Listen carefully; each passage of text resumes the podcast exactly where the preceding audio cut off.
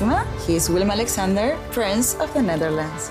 How did an Argentinian lady end up on Wall Street? That's a long story. Well, I have time. Mama, Oh, het is Maxima. ik heb er nog nooit zo verliefd gezien. Screw everyone. All I care about is you. Maxima. Vanaf 20 april alleen bij Videoland.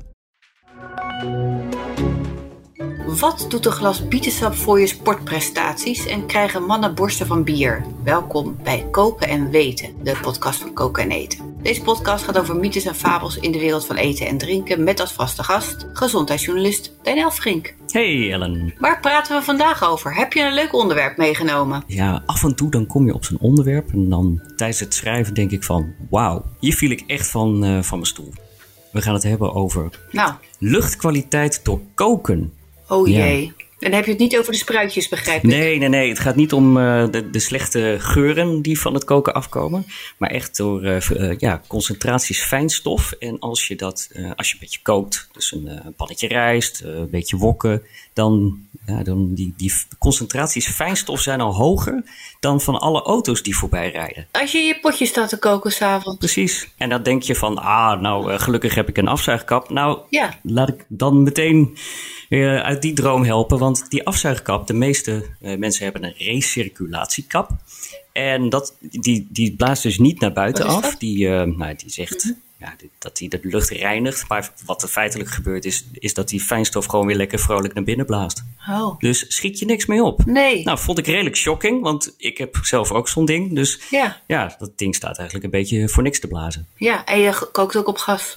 Ik kook ook op gas en dat is inderdaad ook nog een probleem van eh, het, ja, die stoffen die ontstaan niet alleen in de pan, dus als je eh, nou ja, aan het wokken bent of aan het bakken, maar die eh, giftige stoffen die ontstaan ook onder de pan, met name dus bij, eh, of eigenlijk uitsluitend bij koken op gas.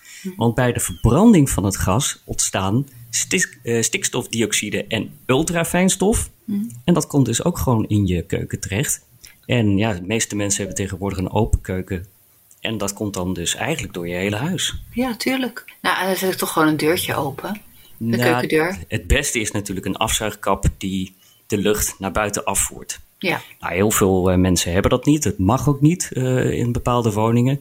Dus hebben heel veel huizen tegenwoordig zo'n eh, zo'n mechanische afzuiging. Alleen, A, moet je die dus wel aanzetten. Ja. En B, is die vaak ook helemaal niet krachtig genoeg om al die lucht naar buiten af te voeren. Dus daar heb je niet zoveel aan.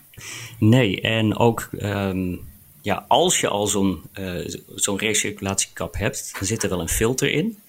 Alleen eh, die stoffen die ontstaan bij koken op gas, ja, misschien de eerste 20 dagen neemt dat filter nog wel wat op en daarna is het ook gewoon klaar. Oh, dus je zou dus en een andere, andere afzuigkap moeten hebben en dan ook nog de filters elke drie weken verwisselen. Ja, nou ja, elke drie weken je filters vervangen, dat is wel een beetje een dure grap. En ja, die filters die zijn dus eigenlijk voor het fijnstof. En dat, nou, ja, dat doet hij dan ook wel een, eh, een klein beetje. Maar voor die, eh, die stikstofdioxide, nee, ja. dat, eh, Nee, dat helpt natuurlijk ook helemaal nee, niet. Nee. daar doet hij niks voor.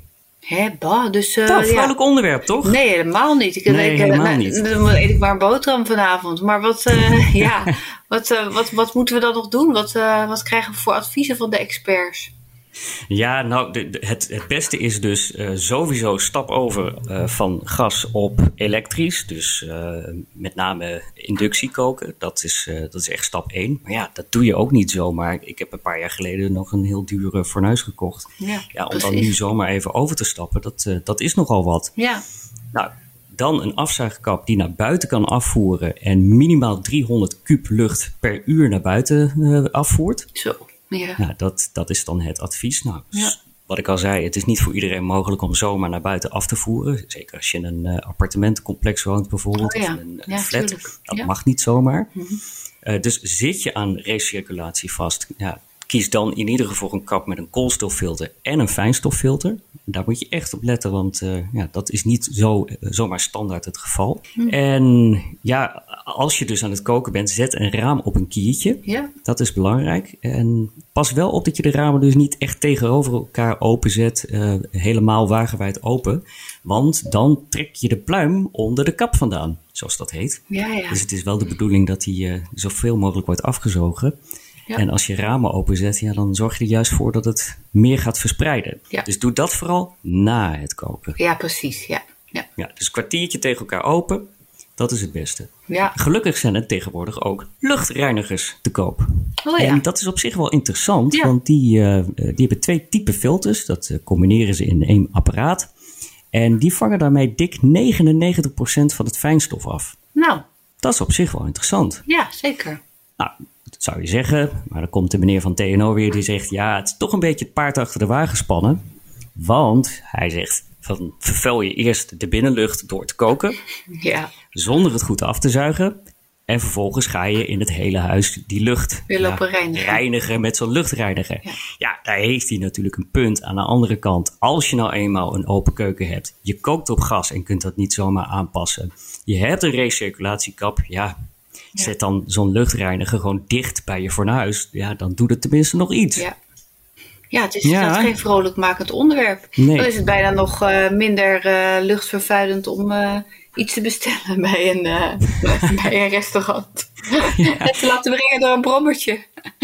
Of je moet je fornuis maar in de tuin zetten. Misschien is dat een optie. Maar het grappige is dus Ja. wel, het gaat ook om de temperatuur waarop je bakt. Oh.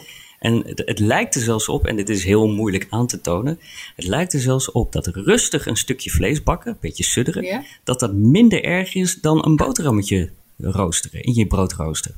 Het gaat namelijk om dat schroeien, om die hoge temperatuur. Ja, ja. En daar komen die stoffen bij vrij. Dus er is nog een hoop te onderzoeken. Ja, ik hoor het. Nou, ja, laten we volgende keer weer gaan eh, smikkelen en smullen. Eh, ja, laten we dat maar doen. Ik zeg niet dat ik, het, dat ik het maar wil vergeten, maar het is wel. eh, Nee. Ja, ik moet je even opkouwen. Precies, het is belangrijk dat je, dat je er wel bewust van bent. Als je dus binnen kookt, zeker met hoge temperaturen zoals wokken en bakken en dat soort eh, dingen, zet dan in ieder geval daarna een raam open. Ja, ja. Ik ga dat doen. Ja, Dank voor de tips. er zit niks anders op. Dat is goed. Oké, Hey, tot volgende keer. en tot Dankjewel volgende weer. keer. Doei.